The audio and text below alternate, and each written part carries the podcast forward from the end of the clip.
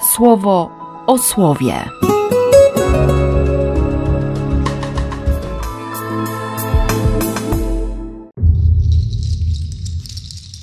Dwudziesty ósmy kwietnia, czwartek.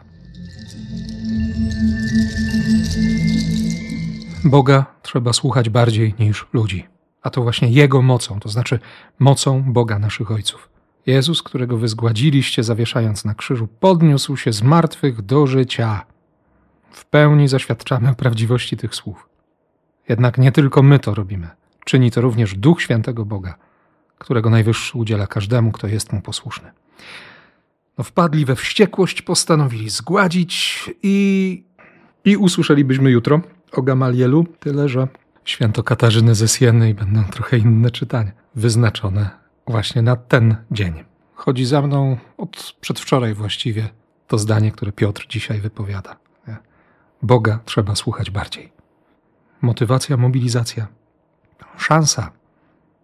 Szansa dana mi dziś, nie? dana Tobie, żeby tak, teraz, dzisiaj, jeszcze bardziej słuchać Boga. Bardziej niż wczoraj, niż przedwczoraj. I pomyślałem sobie też w kontekście tego, co się dzieje w kościele, że, że może to słowo pierwszego papieża jest dane dzisiaj całemu kościołowi, po to, żeby sobie uświadomić, nie? Że, że naprawdę trzeba Boga słuchać bardziej.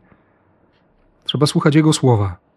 Tego słowa, które jest objawione w kościele, dane kościołowi, interpretowane we wspólnocie kościoła. Skoro zaświadcza o tym również Duch Święty, no to ten duch działa w kościele, działa w urzędzie nauczycielskim kościoła.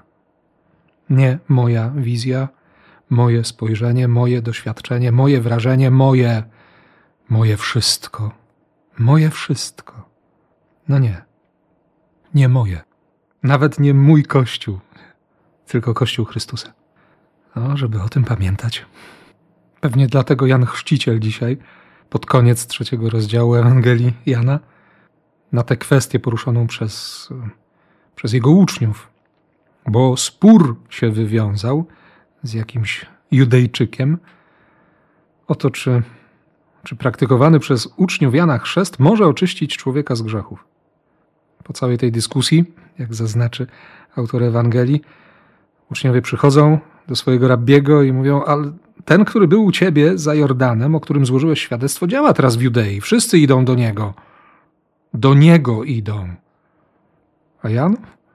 Sami jesteście mi świadkami, że powiedziałem, że nie jestem Mesjaszem jedynie posłańcem. Każdy, kto jest przyjacielem oblubieńca, cieszy się, gdy słyszy jego głos. Tym, co powiedzieliście, sprawiliście mi prawdziwą radość. Jego chwała ma wzrastać teraz. Ja mam się umniejszać. Ja mam być tym małym. No tak, prawdziwy przyjaciel nie będzie zazdrościł swojemu przyjacielowi, że ten właśnie się żeni, że ma wesele. Nie będzie narzekał na to, że mu się lepsza partia trafiła, że on teraz jest pominięty, że on jeszcze nie ma żony, że, że jego żona nie jest taka jak. O. Hm. Taka przyjaźń.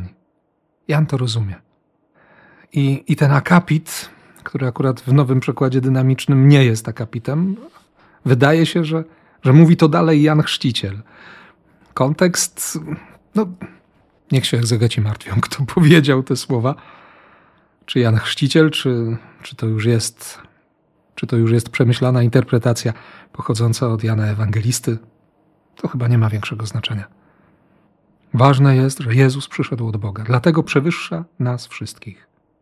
I przyjęcie słowa Jezusa jest potwierdzeniem wiarygodności Boga. Ma w sobie ducha, bez żadnych ograniczeń. Ojciec miłuje syna i wszystkich, których on prowadzi swoją ręką. Tak, ojciec miłuje syna. I, i od rana chodzi za mną tekst świętego Pawła. Właśnie o tej miłości, że Bóg uczynił grzechem tego, który nie znał grzechu.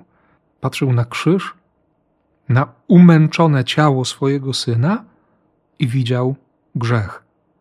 Mnie to dziś bardzo, bardzo mocno uświadamia, drugą stronę medalu.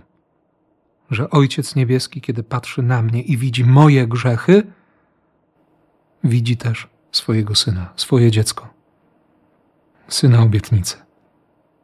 To jest dziś dla mnie ratunkiem. Zatem każdy, kto trwa w ufności do syna, ma w nim odwieczne i nieskończone Boże życie. No to trwajmy w ufności, w ufności do syna, żeby mieć życie. To prawdziwe, to, które się nigdy nie kończy. Takie życie, które jest miłością, nieustannie odkrywaną, odkrywającą, fascynującą i zafascynowaną.